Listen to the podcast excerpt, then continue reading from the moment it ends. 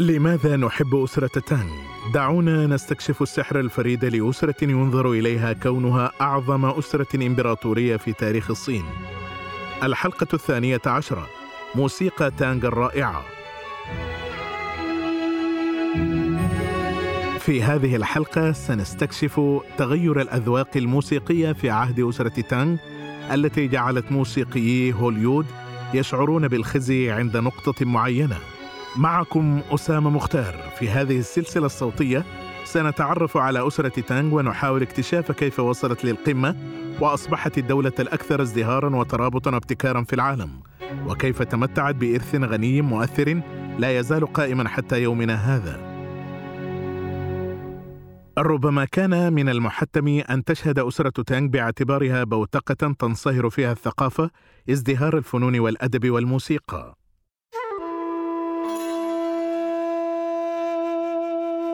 كانت الإمبراطورية تنمو إذا لم تغزو قوات تانغ إذا فهي تخضع لغيرها أو ربما قررت الدول ببساطة أنه من الأفضل تكريم تانغ كقادتهم الطبيعيين. لذلك أرسلوا الموسيقيين والراقصين كهدايا. عثر على الفرس والعرب والهنود والأشخاص من شبه جزيرة الملايو في الأحياء الأجنبية بالمدينة. جلبت كل قافلة جديدة من التجار وجوها وأساليب عيش وطرق تعبير أكثر حداثة. قد تسمع مجموعة من الآلات مثل الأجراس والأجراس الحجرية والمزامير والطبول والقيثارات مختلطة بأصوات مختلفة بالإضافة إلى فرق كبيرة من راقصي البلاط الملكي. كان هناك عامل يبعث الارتياح في الإمبراطورية وانتشر هذا في المشهد الموسيقي أيضا حيث أفسحت رسميات البلاط الملكي الطريق له ليزداد.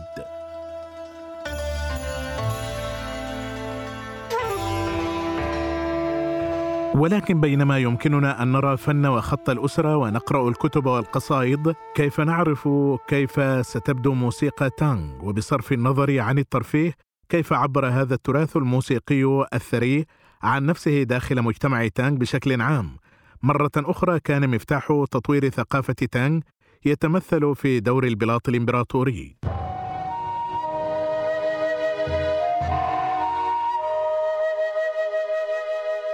تمتعت الفنون والتعبير الفني بقيمة عالية في عهد أسرة تانغ. بصفتك إمبراطورا كان من الواجب عليك أن تحقق إنجازات، وكان العديد من قادة تانغ رسامين وخطاطين وملحنين وموسيقيين متحمسين. كل ما فعلوه جعل الناس يريدون أن يقلدوه أيضا. فقد انتشر هذا الحماس للفنون والموسيقى عبر المجتمع. لكن لم ينتهي الأمر عند هذا الحد. سعوا إلى توجيه الناس في مهاراتهم وأذواقهم تماما مثل المؤثرين عبر الإنترنت اليوم. كان الإمبراطور غاوزونغ لأسرة تانغ لتشي توجيهيا بشكل خاص. ألف كتابا عن الموسيقى لخص فيه استنتاجه بأن أهم شيء هو الصوت وهذا لا يشمل الموسيقى التي يتم تشغيلها على الآلات فحسب بل يشمل الصوت البشري أيضا والكلمات التي يغنونها والطريقة التي يؤدى بها كل هذا. لم يكن أي من هذه العناصر كافيا بمفرده. كان مثل لوحة بلون واحد فقط تحتاج إلى كل الألوان لتحصل على التأثير الكامل. يجب أن يؤتمن على الصوت بين أيدي الشعر وبالمثل لا يمكن تحسين الشعر إلا إذا تم تأديته بشكل جميل وبصوت بشري. نظر الإمبراطور حوله ورأى أن الموسيقى أكثر فاعلية حيث تتضمن الصوت والحركة وحتى الطقوس. هناك أغاني المادبه وأغاني التعبد في المعابد وعروض الرقص الشعبي في البلاط الملكي. وهنا نرى بدايات مهمة جدا من الموسيقى وهي شعر تسي الذي تم غناؤه والذي ازدهر في وقت لاحق بالأخص في عهد أسرة سونغ كان يعد الشكل الفني الذي يعترف به مثل الأوبرا الصينية اليوم.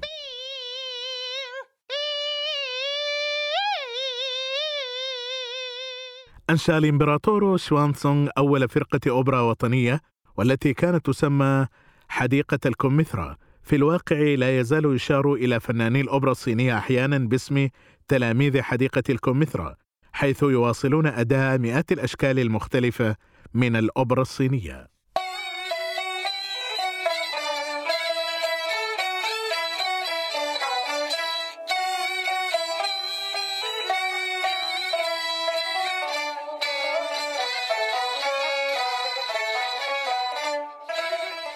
توافقا مع المثل العليا للموسيقى في البلاط الملكي تجمع الأوبرا الصينية بين الشخصيات وحبكة القصة والمكياج والرقص. كما يحب العديد من الشعراء دمج القصائد في الموسيقى لإثراء قصة الموسيقى.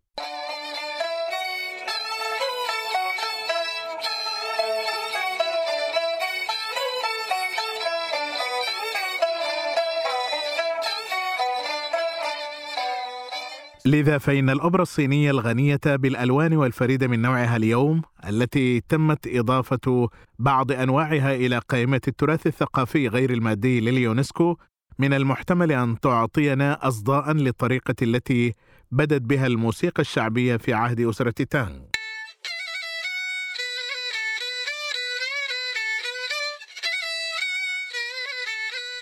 لكن هناك أدلة أخرى أيضا كما ناقشنا بالفعل كان المد والجزر الثقافي لأسرة تانغ يعني أيضا أن تذوق تانغ في الموسيقى والفن ينتشر من الإمبراطورية حيث ازدهر ودمج نفسه في الثقافات المحلية خاصة في كوريا واليابان. تدرب المئات من الشباب والشابات على الرقص والموسيقى في أكاديمية حديقة الكوميثرا. كتب شعراء تانغ عن رقصة تنورة قوس قزح وسترة الريش ووصفوا كيف استخدم الراقصون أكمامهم الحريرية الطويلة لإبراز حركات أيديهم. تم تصوير هذا النوع من الرقص بالكم في المنحوتات وفن الكهوف البوذية أيضا منذ عهد أسرة تانغ في عهد الإمبراطور شوانغ سونغ درس الآلاف في الأكاديمية الإمبراطورية للموسيقى وكان المئات من أفضل الموسيقيين يقيمون في القصر. وغالبا ما كان هؤلاء المتدربون من الإناث يتبعن تقليدا سابقا لفتيات البلاط الملكي اللواتي كانت واجباتهن الأساسية الترفيه عن الضيوف المميزين. كما قد تتوقع مع ميل تانغ للتنظيم سرعان ما أصبحت الموسيقى مشروعا أرادت الأسرة الحاكمة تحقيق النظام فيه. وبدأوا بترتيب الموسيقى لأداء الطقوس التي كانت تحددها إلى حد كبير الأسر الحاكمة السابقة على نسق الكونفوشيوسية وعلاوة على كون كونفوشيوس فيلسوفا عظيما كان أيضا موسيقيا موهوبا وترك بصمة في الموسيقى الصينية التقليدية استمرت لآلاف السنين. كان من المفترض أن تكون الموسيقى بسيطة وهادئة ومناسبة لسير الحفل الذي تشغل فيه. على سبيل المثال كانت هناك موسيقى لتقديم القرابين والجنازات والطقوس والجيش والعطاءات وحفلات الزفاف وما إلى ذلك كما ينبغي أن يتوافق كل هذا مع المثل الكونفوشيوسية. وهنا نعطي ملاحظة سريعة عن صوت الموسيقى في عهد أسرة تانغ.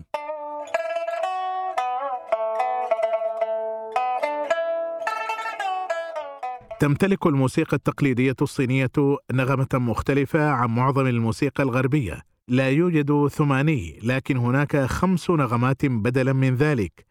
أي خماسي النغمات كانت نظرية الموسيقى كلها جيدة جدا لكن الموسيقى دائما ما تجد مستواها. لم يكن هناك حانة في العاصمة لم يكن بها مغنية أو راقصة مثل ما كان يعرف باسم المناطق الغربية التي كانت أساسا في أي مكان غرب سور الصين العظيم مصحوبة بموسيقى الأجانب. بالنسبة للبعض كان الأمر مبالغا فيه. اشتكى شاعر تانغ يوان تشن ذات مرة من تلوث الهواء الذي تسبب به الفرسان الغربيون. ومن السيدات اللواتي درسن الموضة الغربية ومستحضرات التجميل فقط. ومن الفنانين الذين كرسوا أنفسهم للموسيقى الغربية دون غيرها. تضمنت الألحان الشعبية في تلك الفترة أغنية جنوب الهند ومشاهدة القمر في أرض براهمان التي يؤديها فتيان أو فتيات راقصون أجانب.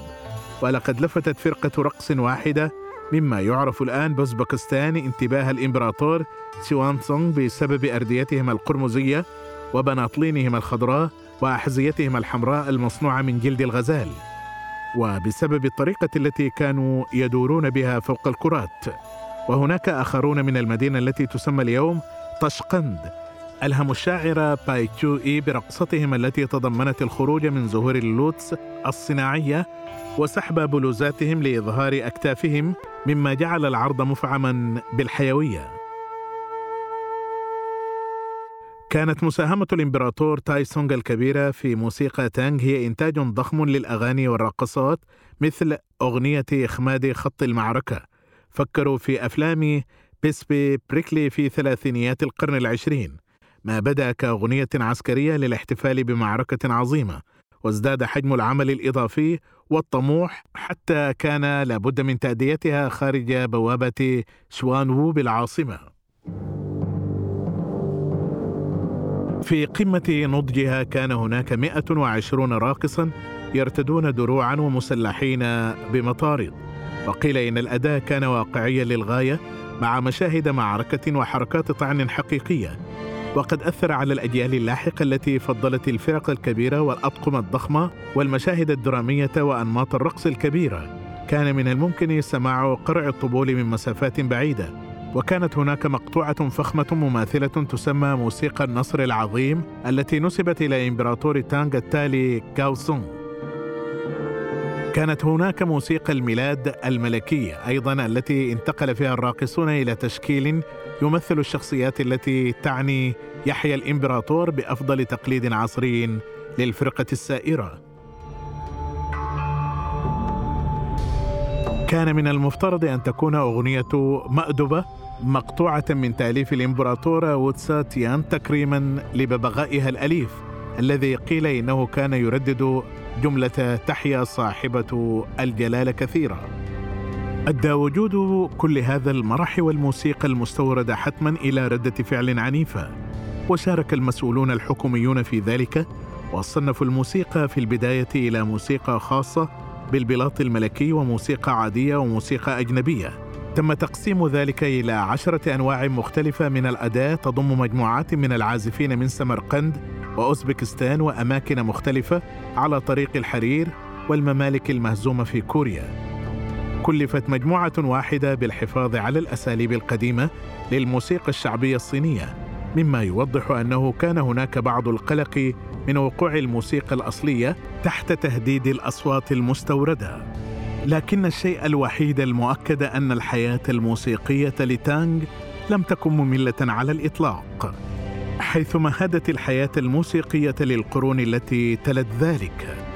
بالإضافة إلى تأثيرها الذي لا يزال محسوسا في معظم أنحاء آسيا اليوم. شكرا لكم لحسن استماعكم وانتظرونا في الحلقة القادمة.